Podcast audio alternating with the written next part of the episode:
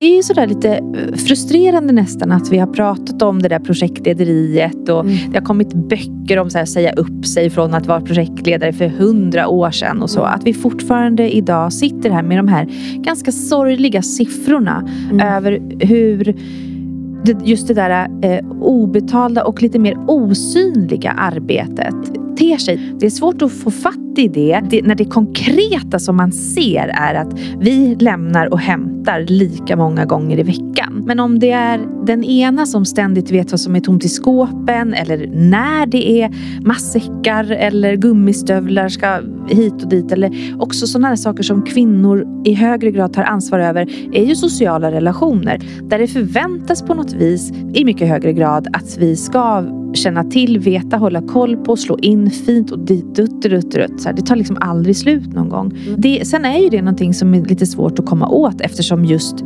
det är det där som pågår i huvudet. Mm. Och där är det ju heller inte, det är inte bara så att männen kan säga så här, ja men då börjar jag tänka lite då. För många av oss kvinnor och kvinnor är så pass skolade i det här i och med liksom gamla normer och eh, hur man ska, bör, borde, måste vara liksom mm. som flicka och kvinna. Att det är väldigt svårt att lösgöra sig från det.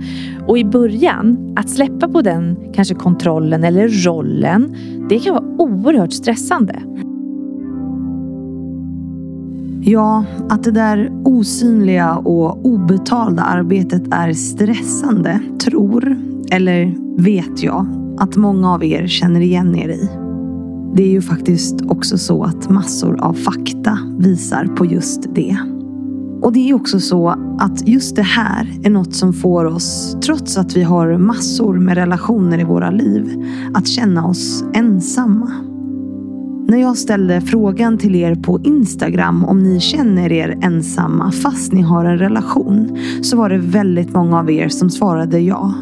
Och när jag frågade varför var det just den här problematiken som många av er tog upp. Och att ni inte känner er sedda, hörda eller bekräftade för allt ni gör i era relationer. Och vem är bättre att prata om det här med än Anna Bennick som är veckans gäst. Hon är nämligen lite av en expert på att prata om olika typer av ensamhet. Och i vårt samtal grottar vi ner oss lite extra i den upplevda känslan av det. Trots att vi har relationer och hur vi kan hantera det. Självklart finns det inget enkelt sätt. Men däremot så kan det här ge er lite stöd på vägen. Och innan vi drar igång avsnittet så vill jag precis som vanligt tacka Excitec som sponsrar podden fortfarande och det är jag så glad över. Så tusen tack för det, Excitec. Och vill du också stötta det arbete som jag gör med den här podden, om du tycker att det är bra, ja då får du väldigt gärna prenumerera på podden och sen också ge den det betyg som du tycker att den förtjänar via den app som du lyssnar i. Det hjälper nämligen till något enormt med spridningen av podden. Och känner ni för det? Ja, dela såklart också avsnittet i sociala medier så att fler människor får ta del av Annas kloka råd. Men nu, kära lyssnare, precis som vanligt, kolla att lurarna sitter bra och vrid upp volymen. För här kommer ett avsnitt med Anna Bennick.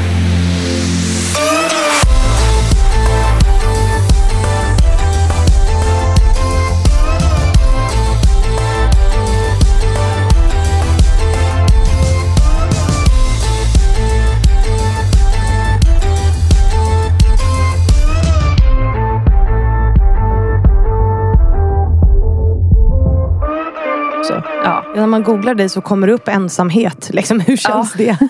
Precis. Ensamhet, skilsmässor och stress. och familjekonflikter. Och, eh, ja, det är eh, en feelgood eh, en, en feelgood-känsla. Anna Bennick, stress, ensamhet och skilsmässor. Ja, ja men det känns, ja. Känns positivt. Verkligen. Och ljudet ser ut att funka. Men det är också någonting som många hanterar. Tänker, alltså som många tacklar. Så det är ju sjukt är viktigt. Eller ett och ganska... ja, jag tycker ju att det är jätteroliga, intressanta ämnen. Ja. Men det är klart att eh, eh, att bara vara kopplad till liksom, skilsmässor och ensamhet och bedrövelser. Mm. Eh, det är inte feelgood-hyllan som Nej. man hittar mig på. Men eh, jag är ganska glad för det ändå. Fast samtidigt så, så pratar du om relationer och det är ju någonting som är positivt. Det är det verkligen. Och som- Oftast i alla fall. Ja men som liksom påverkar alla delar av våra liv. Jag kan ju, vi drar igång inspelningen och säger Mm. väl, varmt välkommen till Anna Bennick och sen så, så eh, får de höra vårt försnack här tyckte jag för jag tyckte det var lite roligt. Ja.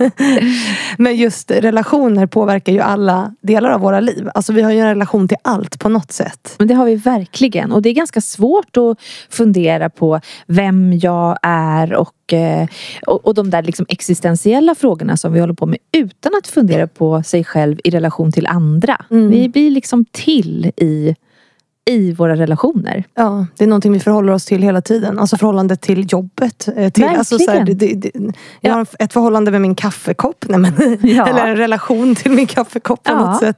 Och din chihuahua. Ja, min chihuahua ja. Mm. Som mina lyssnare får höra om ganska ofta. Min lilla flisan. Det blir ju så. ja, Ja, jag valde att inte skaffa barn. Jag valde att skaffa en hund istället. ja de är så fina de där. Det är så okomplicerat och skönt. Alltså där kan vi prata enkla relationer.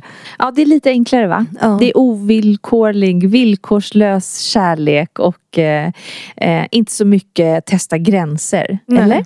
Nej, inte så mycket. Framförallt inte nu när hon är så gammal. Just det. Hur Och- gammal är hon då? Eh, 12 snart faktiskt. 12. Mm, som börjar bli lite knackig sådär. Men, Just det. Men hon, hon håller i. Men vad kan vi lära oss av djuren då? Alltså, vad kan vi lära oss av hundar? Det är ganska intressant. Har du reflekterat något över det? Alltså jag är ju jag är inte liksom legitimerad hundpsykolog. Eh, men däremot så det vi vet är ju att eh, djur är ju väldigt intelligenta varelser. Mm. Eh, det, vi liknar ju djur, andra djur, däggdjur på många sätt och eh, en del forskning finns det ju också på. Till exempel, ja, men som jag brukar prata ofta om ensamhet och vad liksom, djurs betydelse kan ha för oss människor när det kommer till att minska känsla av ensamhet. Och, d- och där, eh, de är ju jätteviktiga för oss. Ja, såklart. Och jag tänker att de har en väldigt skön inställning till livet. Alltså tänk att vara hund och liksom, det krävs så lite för att bli glad. Ge mig lite mat. Ja, Ge verkligen. mig en liten klapp. Ja. Bara, bara så, här, så fort man kommer hem så är, så är ju min hund i alla fall så otroligt glad. Ja, det är ju så himla kul. Ja, Just jag- det där att man så här, nästan som att man har varit borta i en månad Ja. varje gång man kommer innanför dörren. Någon som är så lycklig att man kommer hem. Jag tänk om vi visade den uppskattningen till varandra liksom. alltså, som Efter människor. 20 år. Så här, Nej men älskling är du hemma? Ja, men, men ja, vi visst, skulle lära oss lite av det faktiskt. hade inte det varit jättefint? Det hade varit väldigt fint. ja. Men du, ja, vi hamnade på något konstigt ämne här. För, för vi började försnacka och sådär. Men det är lite roligt. Ja. Eh, Anna Bennick, varmt välkommen hit. Jag har sagt det innan. Eh, men du är ju psykolog och författare och föreläsare. Och pratar mycket om just relationer och Just, ensamhet. Ja. Skilsmässor har vi sagt. just det. Och stress och Ja. annat eh, eh, som är spännande förstås. Men eh, som kan också vara lite trassligt ibland. Ja, och du är här efter semestern så du har sagt att jag, jag är lite rörig idag men det går bra. Ja, det är min första dag liksom, där jag ska försöka tänka smarta saker och sådär och bara känner att jag är helt förvirrad och eh, det kanske är slut med den här gamla psykologen nu. Jag får gå hem och lägga mig. Så, så känner jag mig lite. Men vi får se var det här samtalet landar. Ja men de brukar landa lite här och var som jag sa till dig innan också. Vi brukar vara lite överallt. Det är ganska, ganska trevligt. Ja. Men man brukar faktiskt som gäst få inleda med, nu har jag berättat lite vad du gör men du ska också få presentera dig själv. Alltså vem är Anna? Vem är hon? Ja precis, Ja, den här är- filuren. Ja, nej men ehm, jag jobbar som psykolog och det har jag gjort jättelänge nu. Det är så konstigt när man börjar tänka sådär hur Ja. länge sedan det var jag var nyexad och ung och lovande. Det är Mm. jättelänge sedan. Ja. Det är ju jätteroligt att jobba som psykolog. Det har jag faktiskt aldrig ångrat. Nej. Jag älskar ju sjukhus och skulle vilja ha så här rock på mig och gå i kulvertar och, och så. Men, men jag vet inte, det finns inte så roliga psykologjobb riktigt på sjukhus tror jag. Då skulle man vara sjuksköterska eller undersköterska eller doktor eller så istället. Ja. Men, men eh, det var en liten avstickare ja. Ja, ja. Min fetisch för sjukhus. Ja, du tycker det, det, det är intressant eller? Ja, jag tycker så mycket om sjukhus. Ja. Det, är all, det är aldrig liksom släckt där. Och det, där kan man, det finns mycket omvårdnad i de där byggnaderna. Så jag jobbar som psykolog på dagarna och som du har sagt redan så pratar jag om eh, stress och om hälsa och ohälsa och relationer och, och sådär. Mm. Och gör föreläsningar och skriver en hel del om psykologi. För det, är, det är ju ett jättespännande ämne tycker jag. Så lite svara på frågor och sen har jag en klinik där jag träffar enskilda personer och par och familjer. Sen kommer jag inte ihåg vad jag gör mer. Sen är jag också en Jag ihåg. en mamma Ja. till tre. Varav en pojke är stor och har flyttat hemifrån. Han är 23. Och så har jag en som är 19 och en som är 15. Mm. Som två tjejer som bor hemma. Och så har vi ingen chihuahua. Nej. Men vi har två stycken nakenkatter. Oj vad Så jag mysigt. förstår precis vad du menar med liksom den där kärleken och eh, det som är, är ganska enkelt och eh, eh, hur mycket de betyder. Ja, jag kanske skulle starta en djurpodd också. Du kanske skulle Alltså, göra det. Med Flisan. Ja. Men du, jag har ju luskat lite också. Du har ju väl jobbat med HR också inom byggbranschen eller har jag fel? Nej det, har, nej, det har du inte. Utan det har jag också gjort. eh, Några år i, i byggbranschen. Eh, och det var ju intressant. Jag tänker på ditt perspektiv, jämställdhet och sådär. Det, var ju, det är ju intressant att se olika branscher också, hur det ser ut. Mm. Och eh, vad man stöter på för någonting. Och eh, sånt man tror kanske är förlegat, men är inte det överallt. I alla branscher. Så det var ett spännande år faktiskt. Så att jag var HR-chef på ett lite mindre byggföretag. Men hade du pluggat någonting innan då eller för att komma dit? Eller var det liksom att du jobbade dig upp på något sätt? Nej, men jag, nej, utan utifrån psykolog. Jag var ju psykolog men har en historia också inom företagshälsovården där jag liksom har suttit på andra sidan och jobbat mot HR-frågor med arbetsmiljöfrågor och hälsa och de psykosociala arbetsmiljöfrågorna framför allt. Mm. Så att jag, jag kan inte arbetsrätten så väl så där fick jag ringa och ta hjälp. Men Mm. just så här, hur kan vi trivas på jobbet och ledarskap och medarbetarskap och stress faktiskt mycket. Och de frågorna, de, de kan jag ju rätt så bra Mm. eh, utifrån vad jag redan har jobbat med. Och hur kom det här liksom intresset då för relationer eh, som du liksom har riktat in dig på något sätt? Stress, relationer, skilsmässa som vi har pratat om, ensamhet. Ensamhet är ju också relationer Det är det eh, verkligen. på något sätt. Ja. Va, hur liksom började det så att säga? Gud vilken bra fråga. Alltså, jag tror att jag alltid har varit intresserad av det. Jag vet att min mamma brukar påminna mig ibland om, om det när jag var liten. Att jag ofta kom hem med lite så här, ja men personer som inte mådde bra. Jag, jag har alltid varit väldigt pälsdjursallergisk. Så när andra ungar kom hem med så här, tra, fåglar och kattungar och sådär. Så kom jag istället hem med lite trasiga personer som vi kokade Ja. te till på natten. Det är därför vi har nakna katter också. Men, Mm. men vi är allergiska mot dem också. Men nu älskar vi dem så de måste bara få bo där. Men, eh, men det var en parentes. Men eh, det har liksom varit ett intresse tror jag alltid. Och, och i åttan så praoade jag på ett ålderdomshem och blev jätteförtjust i det jobbet och förälskad i de gamla som bodde där och jobbade extra där alltid. Och det var på något sätt en skön liksom, fristad att få vara där bland de gamla och Ja, men jag tror att jag, det är mitt intresse. Jag, har, jag, jag, jag spelar inte golf och inte tennis. Och jag har inte samlingar av olika grejer. Jag är en ganska så, tråkig person. Men det som är mitt intresse det är liksom relationer och vänner och att lära sig kring det där mellanmänskliga. Ja, det mellanmänskliga som ju är så intressant och komplext. Liksom. Ja. Man blir ju aldrig fullärd på Nej, något sätt. verkligen inte. Och så kommer det ny forskning och nya rön och sen Ja. kan man eh, liksom ta till sig nya saker. Det är faktiskt jättespännande. Ja. Och du gick ju själv igenom en skilsmässa, eller hur? Jag lyssnade ju på ditt sommarprat Mm. eh, också. Jag har ju såklart gått runt och lyssnat lite på dig i olika forum inför att Aha. du skulle komma, Okej. komma hit. Ja, ja. Eh, ja. Och du beskriver din så här, du gick ifrån Nyhetsmorgon och trodde att du nu, nu kommer jag aldrig, för du är ju där ibland och Ja. pratar eh, om just relationer. Liksom. Vad kallas det? Relations...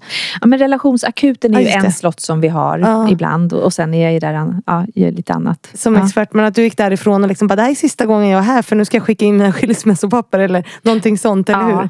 Ja, det, är, det där är ju också så spännande att vara ändå, jag var ju ändå 38 39, ja, men nästan 40 och då är man ju en vuxen person. Och Mm. också har jobbat så himla länge med separationer och eh, med människor som går igenom skilsmässor och, och så. Och ändå ha föreställningen att ja, men jag kan ju inte bli anlitad som expert här och prata om relationer om jag inte kan liksom hålla ihop min egen jävla relation ens. Så här, att, att på riktigt så tänkte jag de tankarna. Men, men det var ju också i, en, i slutet av en ganska lång process och kris och att ha landat i de där skilsmässohandlingarna som jag hade skrivit ut och inte så mycket sömn. Alltså jag var inte mitt smartaste. Men Nej. ändå att man skulle aldrig tänka sådär om någon annan person. Men en- ändå tänkte jag så. Nej men nu kan inte jag bli anlitad här längre. För jag har tappat i så fall förtroendet för att jag måste hålla ihop min relation. Och det måste man ju inte. Mm. Vad var det som gjorde att du inte höll ihop din relation? Alltså får man fråga det? Det får man fråga och där är jag lite försiktig också att svara mm. av hänsyn till både en ex-partner och Ja. att vi har tre barn. Ja. Men eh, vi hamnade i en eh, ganska liksom dramatisk kris. Rätt så plötsligt utan att vi egentligen hade sett några varningssignaler för det. Vi hade haft ett ganska långt äktenskap av lite gräl och mycket som var bra.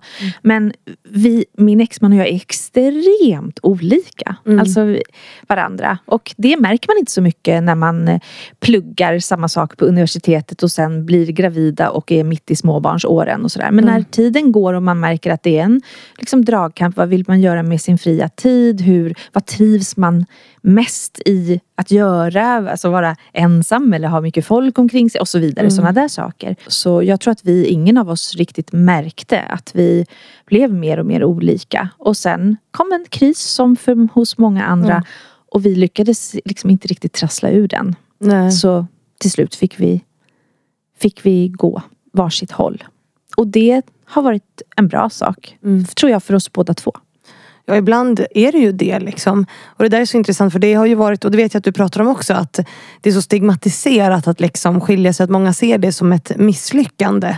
Och jag vet att jag, jag hade ett avsnitt om det här, inte om det här men vi pratade om det här en stund. Att man ofta säger så här, åh, jag beklagar att du har skilt dig. Mm. Eh, Fast man egentligen, egentligen ska ställa frågan så här, ska jag säga grattis eller ska jag säga jag är förlåt? Eller så här, jag är det. ledsen för din skull. För det kan ju också vara a blessing att skilja sig. Oh ja, ganska ofta så är det ju det. Alltså, Ja. Oftast så fattar vi ju de besluten inte lättvindigt och inte bara för att man råkar bli lite förälskad eller är lite trött på varandra och sådär. För det är ett jättestort beslut och ett svårt beslut och särskilt om man är flera inblandade, det vill säga man har massa barn och, och sådär. Så är det nog ett av de svårare besluten som vi fattar. Så det är inte som många kanske tänker sig att alla bara skiljer sig till höger och vänster lättvindigt utan oftast är det ganska väl underbyggt och har föregått av ganska många år av funderingar och tvivel och, och kriser och så vidare. Och därför är ju oftast det beslutet ganska väl underbyggt också.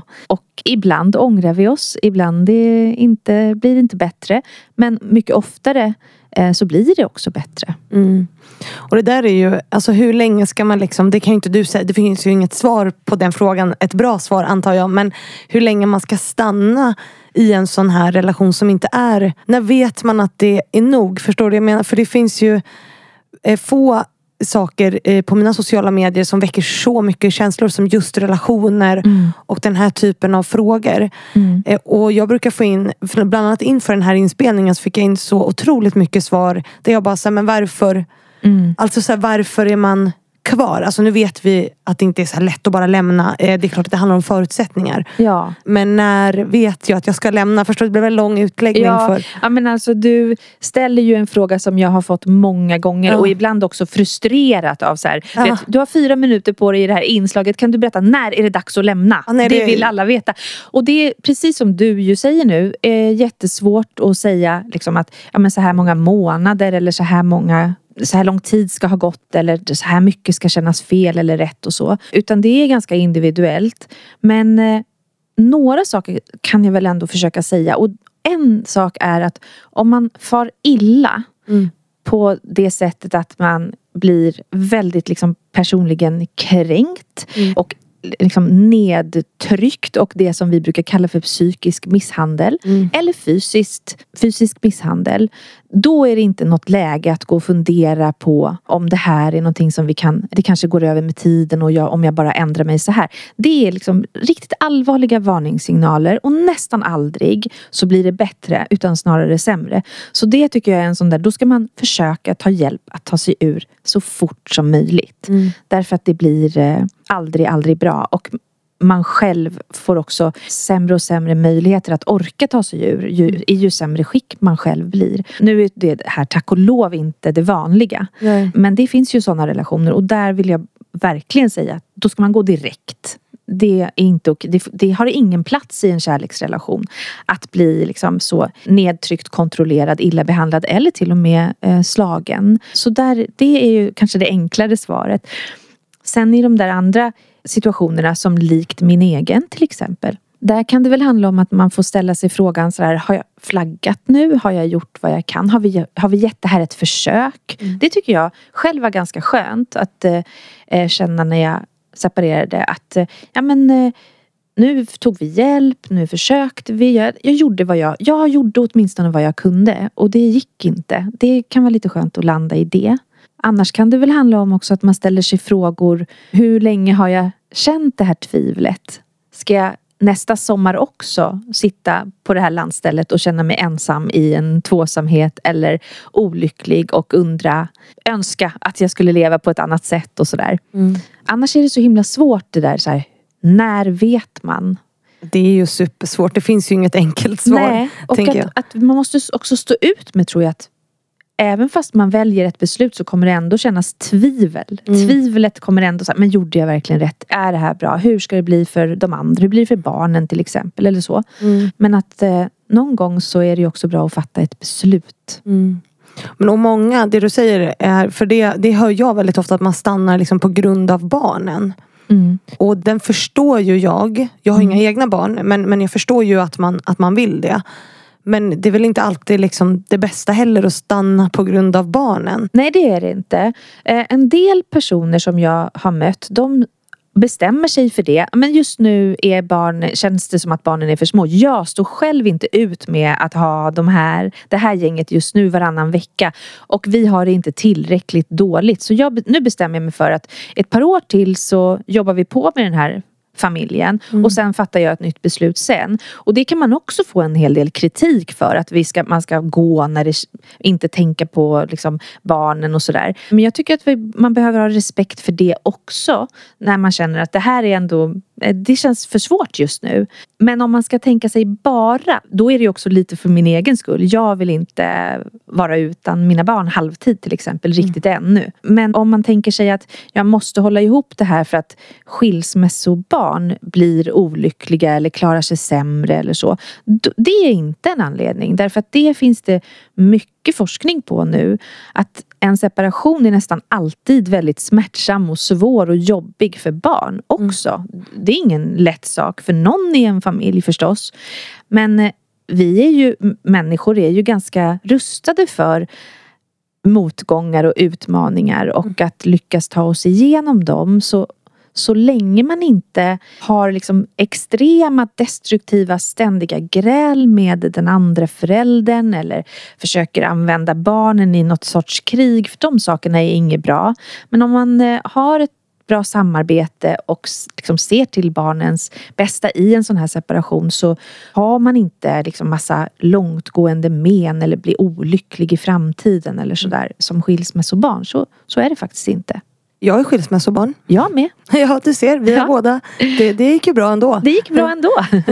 Men det är ju lätt att måla upp det där mardrömsscenariot liksom. Och det hänger väl ihop med stigmatiseringen också kring det tänker jag. Att man... Det tror jag också att det gör ja. Det, och det jag gillar att du eh, pratar om det är ju att liksom jämställdheten har hjälpt förutsättningarna för att faktiskt lämna relationer. För den rädslan finns ju också att man ska klara sig själv och man ska vara Ja. ensam. Att ja.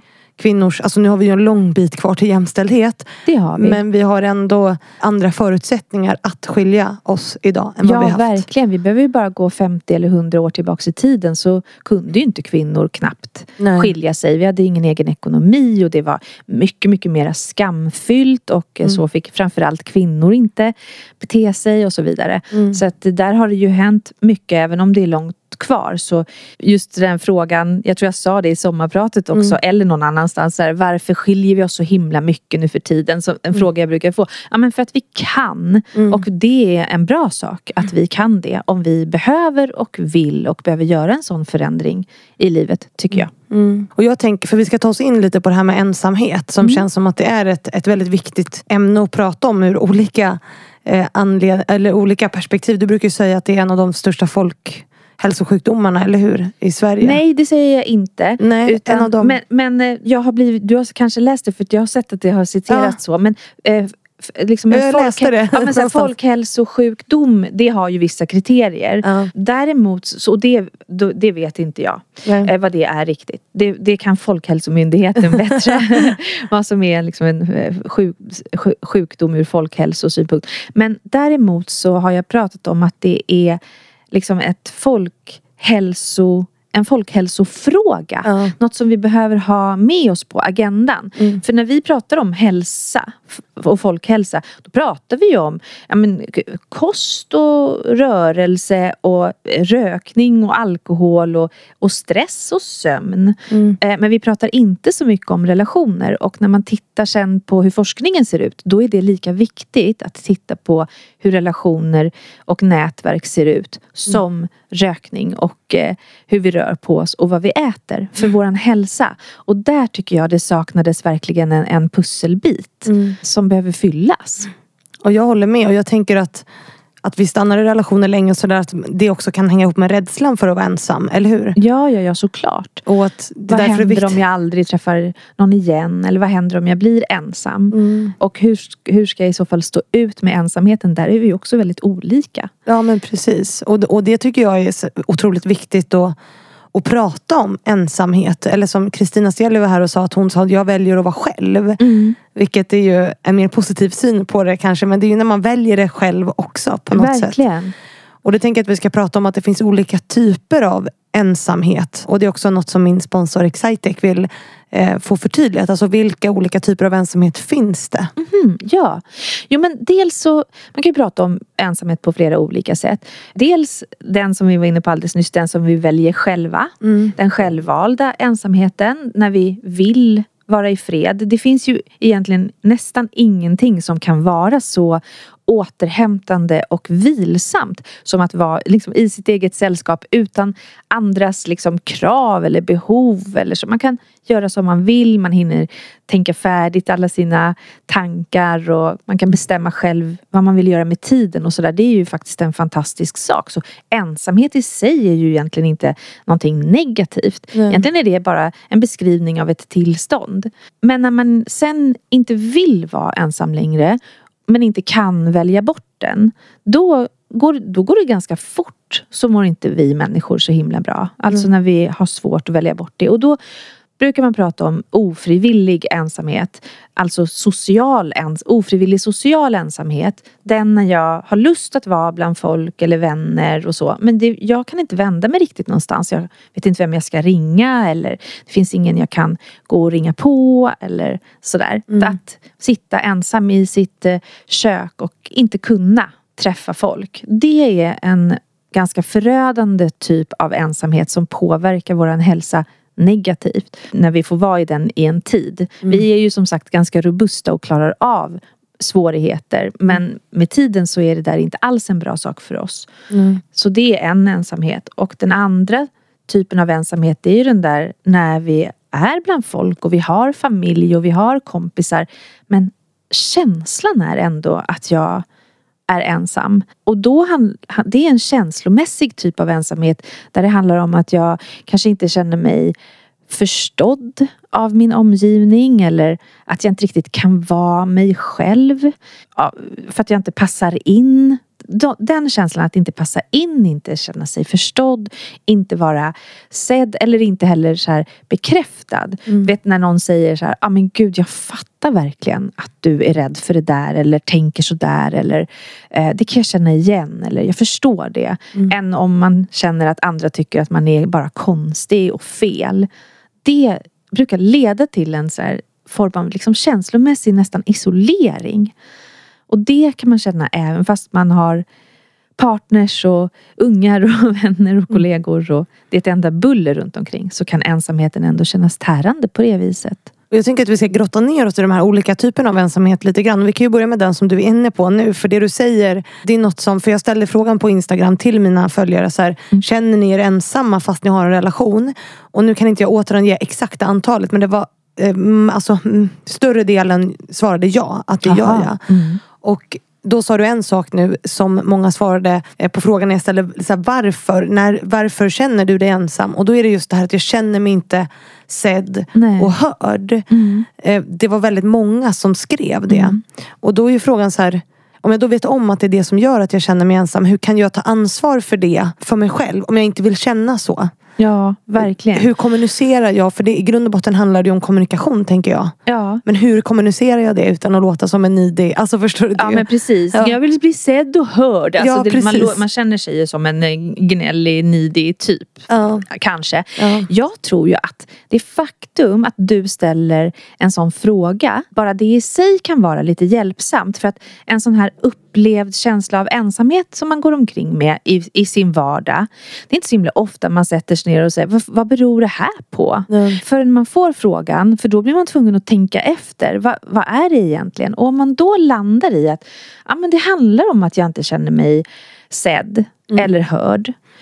Då kan man kanske fundera på hur kan jag försöka öka det? När jag jobbar i, med parterapier och med personer som lever två stycken tillsammans, eller tre eller fyra också ibland. Mm. Då, då handlar ju de där frågorna, då är det ju ofta så här, gräl och sakfrågor. Och sen när man kokar ner det, då handlar det jättemycket om det där. Men du lyssnar inte, du förstår inte vad jag egentligen menar. Och om man jobbar lite på de sakerna, att förstå vad finns bakom irritation kring hur mycket vi ska städa och dammsuga och vem som gör vad och sådär. Mm. Vad är det som finns där bakom?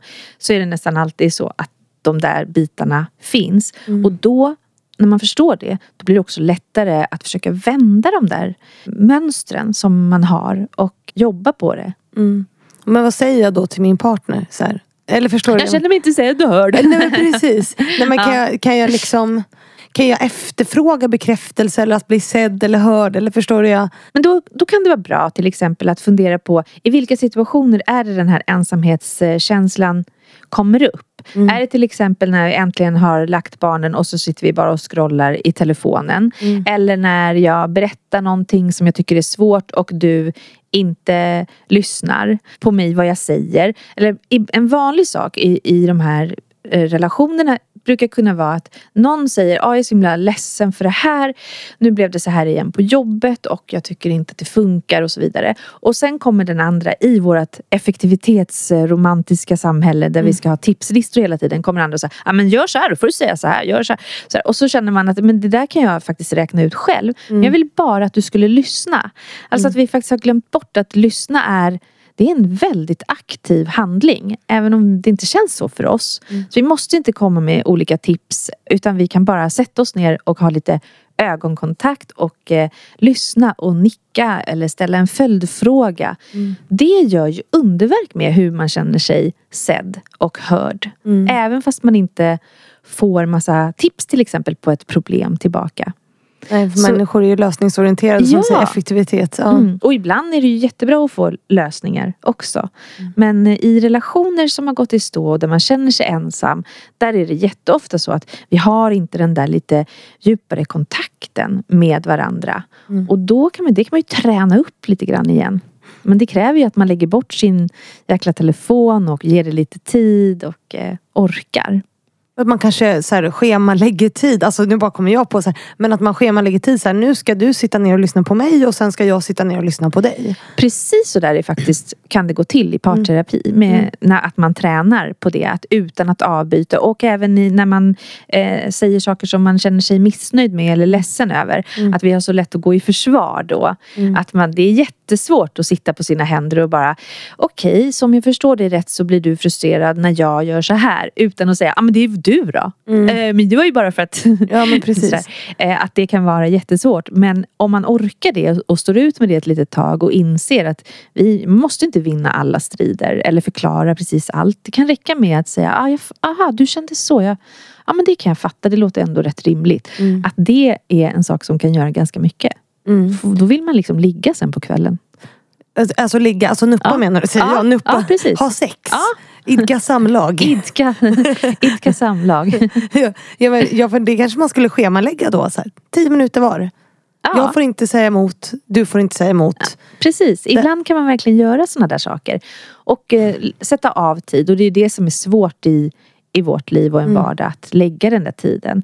Men att vi tänker oss att eh, ja, relationerna ska bara funka där vid sidan av. Vi har ju andra problem men de gör ju inte riktigt det. De är också ett maskineri liksom, och någonting vi måste arbeta på på något vis. Men precis som ett företag liksom, på något sätt. Alltså, vi kallar det ju familjen AB ibland. Ja. Liksom, att man ska projektleda och styra det. Ja, Och jag tänker att man kanske inte bara nu är jag som inte ens har en relation, men jag har ju relationer med andra människor. Ja. Att man inte bara ska prata om att det här är dåligt utan också så det här är det jag uppskattar med dig eller tycker om med dig. Liksom, också.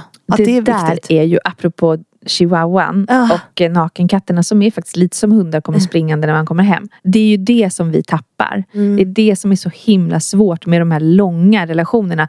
Första halvåret är det ju hur lätt som helst. Då Mm. tycker man ju att bara någon rycker på ett ögonbryn så är det liksom det vackraste man har sett någonsin. Mm. Men hur gör man det där sen? 15 år senare när man bara är irriterad och tycker det är tråkigt och eh, man går och liksom, ja, men irriterar sig på saker. Och det gör vi ju jätteofta då. Vi säger till när något inte fungerar. Men vi har glömt bort att säga de där sakerna som också fungerar och som vi verkligen uppskattar.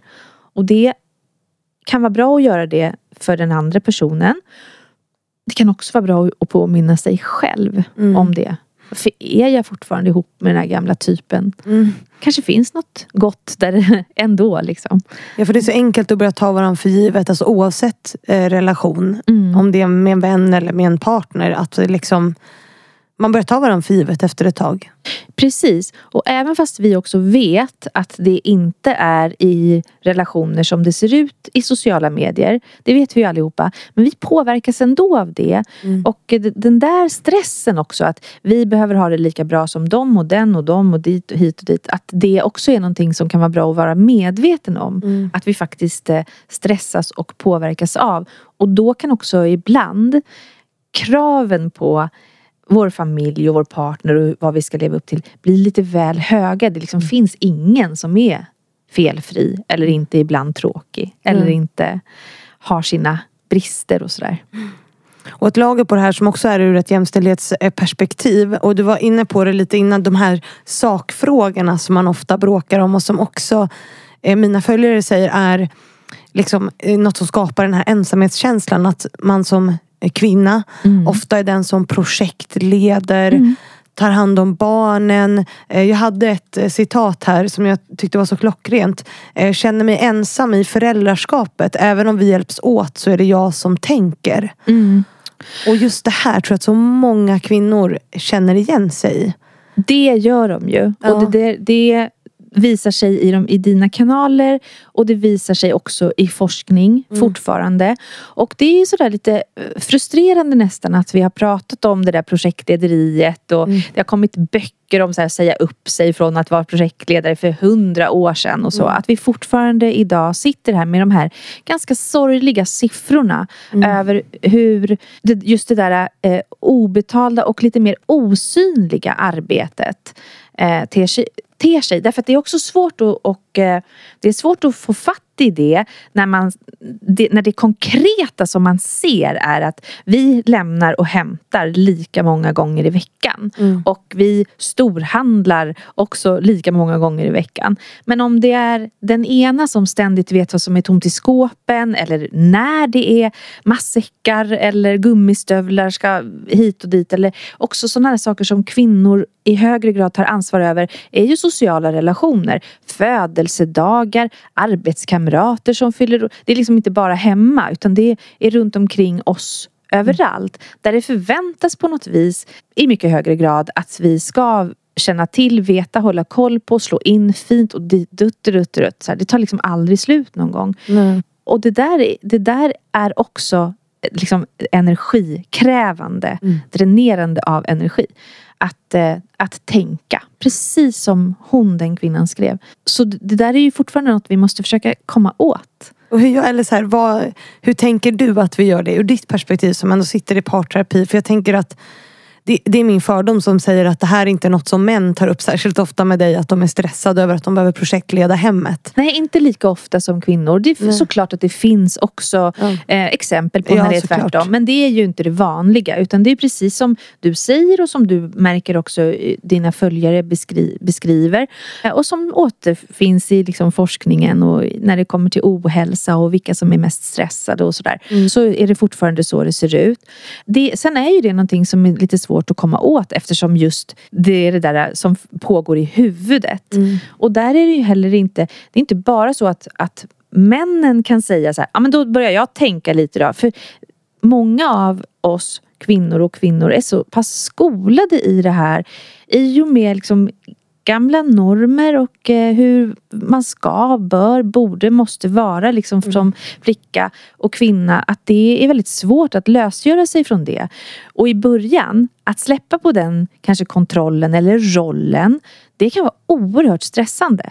Att tänka, men hur ska det här gå i så fall? Så det är också någonting som vi ibland jobbar med ganska mycket. Att man delar upp extremt noga ansvarsområden. Även det där så här, vem vet vad som är slut i skåpen eller vad som finns ute på något landställe kanske eller vem som fyller år. Mm. Och att den ena får sitta på sina händer och vänta och också stå ut med att det blir kanske inte exakt som på mitt sätt Mm. längre. Och den andra personen får liksom träna sig i att ta mer av det ansvaret. För det är ju också så här att det vet vi att det vi gör mycket av det blir vi också bra på.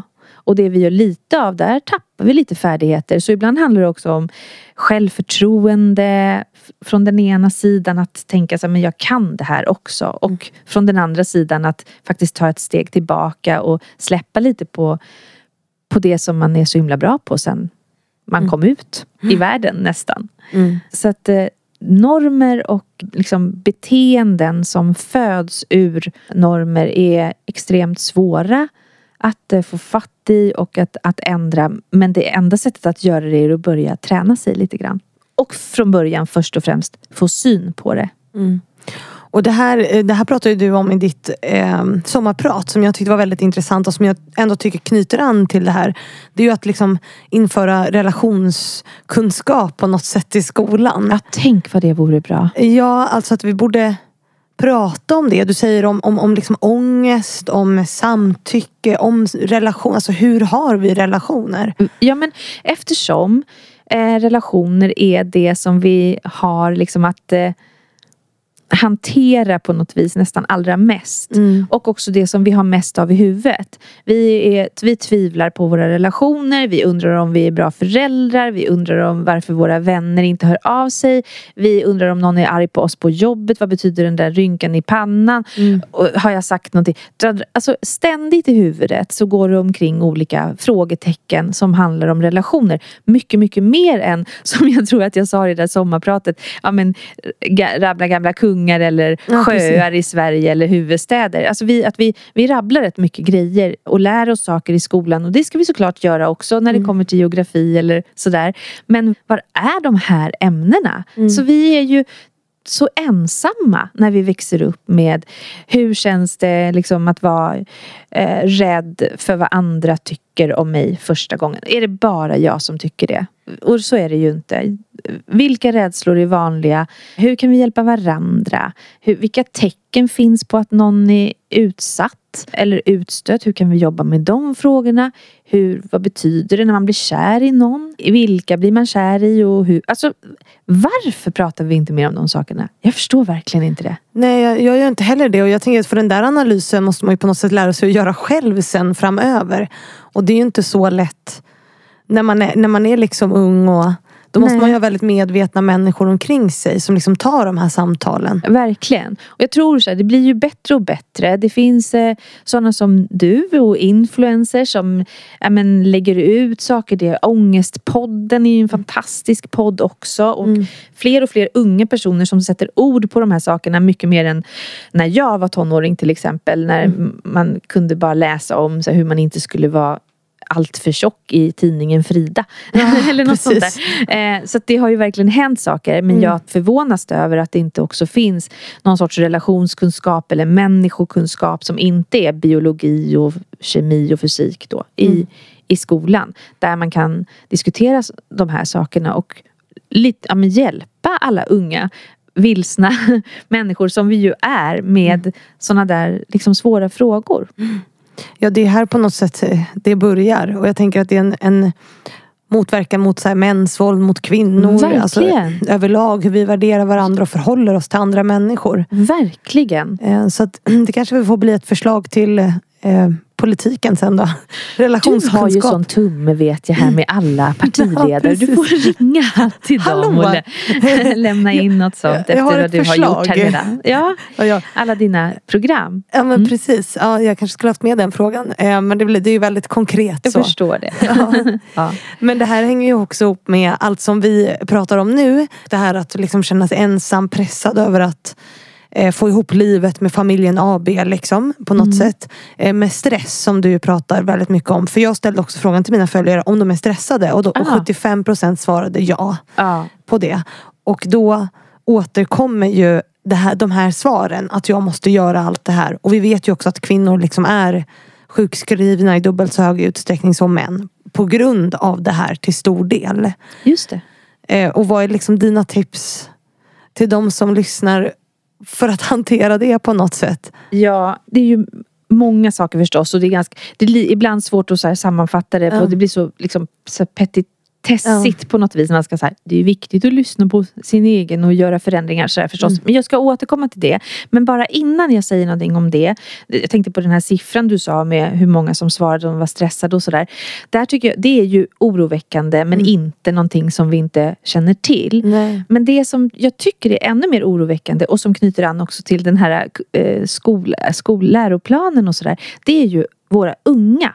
Och att unga personer och framförallt också unga flickor är stressade i skolan till exempel. Ja. Jag läste på SCB eller Folkhälsomyndigheten nyligen. Alltså 47 procent av alla flickor som går på gymnasiet känner sig stressade i för hög grad på ett sätt så att man inte mår bra av det. Och där är pojkarnas motsvarande siffra 16 procent. Det är ju en rätt stor skillnad. Sen tror jag också flickor är lättare på att uttrycka det och det finns mörkertal och vi har liksom en mansroll, norm och en mansroll som inte heller är särskilt sund. Eh, men, men det här är ju också någonting som jag tycker är Alltså våra unga personer som går i skolan som beskriver att de är stressade och trötta och hängiga. Vi måste liksom börja redan där. Vi måste börja ännu tidigare. Det kanske är lite, lite svar på din frå- fråga. Att hur ska vi eh, hantera de här frågorna tidigare än när vi är 30-35, driver projektet, försöker räcka till överallt och sen eh, får svårare att sova och till slut mår väldigt dåligt av alla, alla liksom stressrelaterade symptom som finns. Då är man ju redan fast i ekorrhjulet på något sätt. Ekonomiskt då och i liksom press och Ja. att hålla ihop allting på något sätt. Ja. Det är svårare att bryta då. Verkligen. Och det är ju heller inte bara en fråga så här, män och kvinnor utan det är ju flera allt fler män som också upplever stress och otillräcklighet på olika ställen. Det är liksom ett sorts en samhällsfråga, en kulturfråga. En, mm. en fråga för hur ska vi, ska vi leva liven så här snabbt och med så här mycket och alla möjligheter som vi har fått som är fantastiska. Men ska det, vad, när räcker det och mm. när kan vi sätta oss ner och duga som vi är ändå mm. och, och, och sådär. Att, att det är verkligen en fråga som vi behöver hantera på individnivå, jag och mitt liv, på jämställdhetsnivå, vi och i relationer, men också på samhällsnivå och mm. i våran kultur faktiskt. Vi lever ju ett prestationssamhälle på något sätt. Verkligen. Eh, vilket är tragiskt och sjukt jobbigt att förhålla sig till. Det är det ju. Ja. Vi tycker ju förstås om att engagera oss och prestera och göra saker. Men de senaste åren så har det blivit, tror jag, så, så svårt för oss att veta när räcker det? När kan vi stänga av? Och när behöver vi sätta oss ner och lära oss att bara så försumma grejer istället och skrota och mm. sluta äta så kvarg eller vad man nu ska äta. Mm. Eller det kanske man inte äter längre men vad äter chiafrön? Eller ja. man får måste inte göra, liksom, överallt så ska vi liksom prestera till hundra procent och gud så, så utmattande i slutändan. Mm.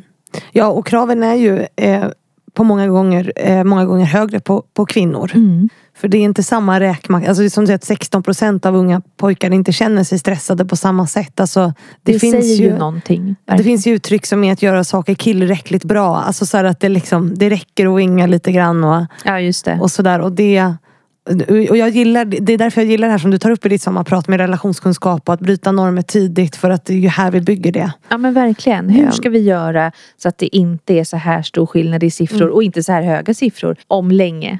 Redan när vi är små. Mm. Och vi ska gå tillbaka till, för nu har vi pratat om en del av ensamhet som liksom tog oss vidare till allt ja. möjligt, work-life balance och stress. Men vi ska också prata om de andra typerna av ensamhet, tänker jag. Vi ska ta oss igenom dem relativt snabbt. Vi har spelat in jättelänge. Eh, har vi? Ja, tiden går så fort när man har intressanta samtal. Men vi har, vi har en stund kvar. Ja. Och just det här med självvald ensamhet, det var den första du eh, tog upp. Den här tycker jag är intressant av flera aspekter. Dels för att jag, jag själv har valt själv att vara ensam även om jag har en hund. Mm. Så jag har ju valt ett liv där jag liksom inte eh, dejtar eller du vet så här, ja. Eh, ja, du menar att du har valt bort eh, liksom en kärleksrelation? För jag antar att du har en hund och lite kompisar. Ja, kompisar har jag också. Ja. Men vad definierar en självvald ensamhet? Är det att man väljer att sitta hemma helt själv hela tiden? Eller liksom, vad definierar det? Nej, men det gör ju nästan ingen. För Nej. vi är ju, alltså det låter så här klyschigt eller så här gammal, flockdjur och så, men ja. vi är flockdjur. Ja. Och vi behöver andra människor runt omkring oss för att må bra. Men därmed inte sagt att vi behöver en heterosexuell monogam kärleksrelation. Var, mm. var kommer det ifrån? Mång, de, många väljer det och det passar också många att leva så. Men det är ju mm. långt ifrån alla som väljer att leva så. Mm. Och det är också en sån där grej jag tycker vi ska, kan inte vi sätta in det redan där på relationskunskapen som vi ska dra igång mm, ja. redan tidigt. Att det finns ganska många olika sätt att leva sina liv på. Mm. Man måste inte leva på det viset, man måste inte välja att ha barn. Kan, man kan må bra på väldigt många olika sätt. Mm. Och ju snävare normer, det vet vi ju. Och ju svårare det är att leva normbrytande desto större risk för ohälsa för de som inte får plats i det där lite mm. stränga. Ja för det här är ju något som, som jag kommer tillbaka med sociala medier hela tiden. Men, men att eh, de, de frågorna väcker så otroligt mycket känslor i mina kanaler när jag pratar om att jag själv då är 32 singel. För nu utgår jag från kärleksrelationsnormen mm, då. Eh, mm. Eller heteronormen ska vi väl definiera den som. Att jag så ofta får just den frågan. Jaha, och när ska du träffa någon och, och skaffa barn? typ? Just det. det var ju någon som sa till mig, men Fanny du ska ju skaffa familj snart. Man bara, då ska? Alltså, och jag, jag mår ju inte dåligt av det utan jag blir mest förbannad. Liksom. Mm. men, eller sådär, du ska inte säga åt mig vad jag ska göra. Nej, men, men jag brukar få meddelanden från kvinnor som faktiskt mår otroligt dåligt av det här. Och ja. Min upplevelse är att normen är snävare för kvinnor när det kommer till det här också. Att man förväntas. Ja det är ju till exempel, tycker jag, visar sig också i att eh, hur mycket lättare vi har att liksom, acceptera att eh, fäder är frånvarande mm. än att mödrar är det. Mm. Det är ju också någonting som går i hand i hand lite med det som du beskriver nu. Mm. Ja men vad är en riktig kvinna och vad är, en, vad är moderlighet och så vidare. Mm.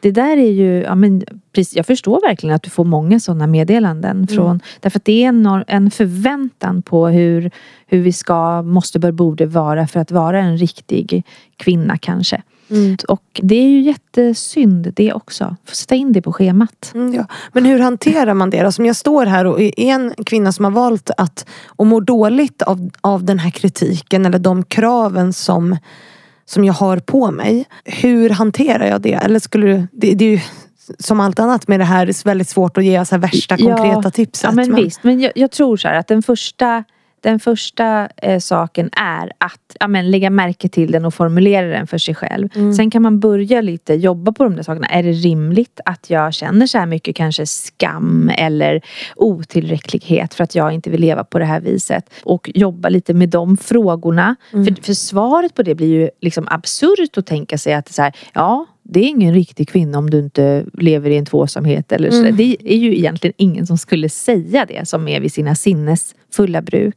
Mm. Men man kan, hur motar man liksom de här skam i grind och så? En sak är ju att eh, se den i vitögat och gå emot den. Prata om det högt. Mm. Eh, säga det för sig själv flera gånger innan man säger det till andra. Nej men jag vet inte om jag vill ha familj. Jag tror att jag blir lyckligare utan. Jag deltog faktiskt i någon sån liksom, diskussionstråd eh, för inte alls länge sedan där det var ja, men någon som skrev så att, ja, men att det är egoistiskt att inte skaffa barn till mm. exempel. Det är, det är så fascinerande eh, slutsats. För vad är då att skaffa barn? Mm. Vem? Jag känner ingen som har skaffat barn av altruistiska skäl. Alltså för det, för det ofödda barnets skull Nej. eller för klimatet, herregud. Eller för att, eller för att öka befolkningen. Nej men verkligen inte. inte. Utan det är så oerhört egoistiskt. Jag har skaffat mina barn bara för att jag vill och inte för att någon annan ska må bättre Nej. eller någonting. Det är en oerhört egoistisk handling. Mm. Dessutom är det inget vidare heller för just så planeten och så just nu vad det verkar. Så det är så fascinerande att det fortfarande finns sådana där strömningar och tendenser. Att det skulle vara att man då är en egoistisk person. Varför då? Nej. Men att, att säga alla de här sakerna högt och att ifrågasätta dem, att ställa motfrågor. Hur menar du då? Börja stå för dem först hos sig själv mm. och sen man kan ju också göra så här, vända sig till forum där andra har valt samma sak som jag eller mm. läsa i dina medier där du har kommentarer om det och, och lyssna på liksom, människor som väljer andra sätt att leva och, och eh, men, hitta sitt gäng och sin flock. Mm. Jag tänker att eh, det till viss del också handlar om att så här, landa i att vara trygg i sin ensamhet. Eller liksom att vara trygg i ensamheten. Ja. Hur gör man det? Så hur kan jag bli trygg med att vara ensam? För det, det är ju en sån stor rädsla för människor. Ja, det är det ju. Mer eller mindre. En del mm. älskar ju sin mm. självvalda ensamhet och, och trivs väldigt bra i den och landar verkligen i den. Andra får kämpa lite mer med, med det. Mm. Jag till exempel har, liksom, ibland har jag tänkt att jag har haft någon sorts här, ensamhetsfobi. Jag tror inte riktigt att det är det utan att det beror liksom på andra saker som lite mm. rastlöshet och sådär. Men som tycker om att ha mycket folk omkring mig. Jag fick ju i skilsmässan till exempel och jag har gjort jag har träffat personer i mitt arbete också som får träna sig lite grann på att kunna vara ensam. För det är rätt så bra att kunna mm. umgås med sig själv. Mm. Eller ja, i stunderna vi inte kan kanske välja allt det andra. Sådär. Att eh, långsamt träna sig på lite ensamma stunder och försöka se den där rädslan i vitögat lite grann. Bara ja, träna, det är ju som med eh, ångest är ju övergående. Alltså att man ska utsätta sig för det på något sätt. Man eh. kommer ju inte dö av det men det ibland, kan ju kännas lite så ibland. jo absolut, så kan, ångest kan ju vara alltså, nästan dödande ibland. Men, eller du vet att det känns så. Men det går ju över och det blir ju lättare för varje gång tänker jag som man utsätts för det. Verkligen. Det är väl det som är KBT?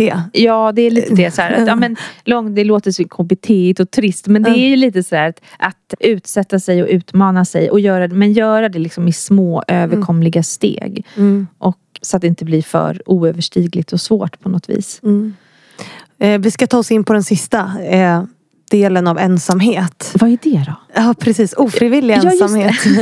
det. ska väl du veta? Nej, Ja skojar. precis, det borde jag veta. Kommer inte ens ihåg vad vi har pratat om. Nej, hade, ja, men du svepte över den lite grann. Och den Ja. tycker jag också är, är otroligt viktig att prata om. Därför att man kan vara ensam i relation, eh, man kan välja eh, att vara ensam och sen kan man också vara ofrivilligt ensam. Och så, så här, hur drabbas man av det? Eller liksom, vill du förklara mer hur det funkar? Ja, men tillbaka igen till att vi är flockdjur Ja. och att vi eh, behöver tillhöra någon sorts grupp. Vi måste inte göra det på de här snäva sätten att det ska se ut på ett visst sätt och kärnfamilj och hit och dit. Men vi behöver något litet gäng och någon flock som vi kan vända oss till.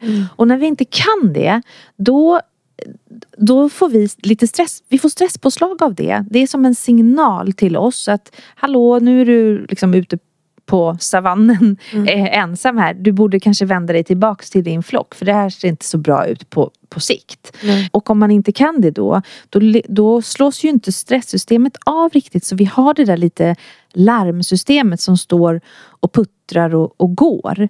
Eh, det blir som en sorts eh, väldigt lågintensiv men ändå kronisk eh, stress hos oss när vi inte tillhör något sammanhang eller kan vända oss till någon.